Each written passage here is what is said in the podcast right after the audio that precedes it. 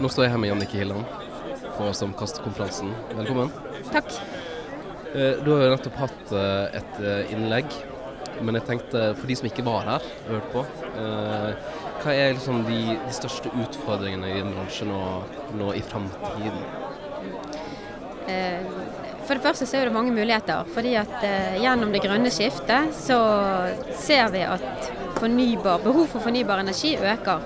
Og, og vi i BKK representerer jo en viktig ressurs i det, nemlig vannkraften. Um, utfordringen i dag det er at uh, prisen på kraft er ganske lav.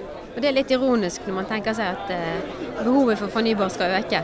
Slik at svaret på den klimakrisen som vi, har i dag, eh, nemlig fornybar energi, der er det noen utfordringer.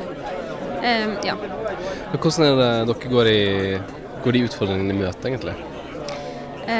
Eh, det, noe handler jo om at vi må sørge for at vi produserer vannkraft så effektivt som mulig.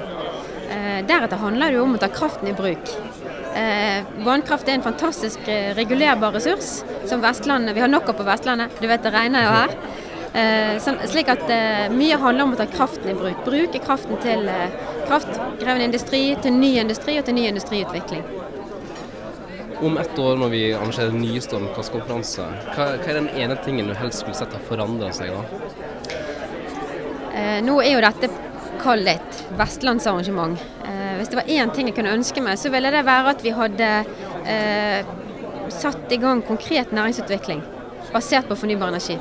For jeg tror det er store muligheter eh, på Vestlandet. Så noen nye bedrifter i emning, kanskje? Eller? Ja og, og, ja, og basert på samarbeid. Vi har vært innom det i dag, at eh, vi trenger eh, samarbeid på tvers av ulike bransjer. Og Der tror jeg det kan skje masse spennende fremover. Da har du kasta hansken, så jeg håper at noen plukker den opp. Tusen takk for at du tok deg tid til å snakke med meg, Jannicke. Greit? Det var. Så bra, så bra. Takk. Tusen takk.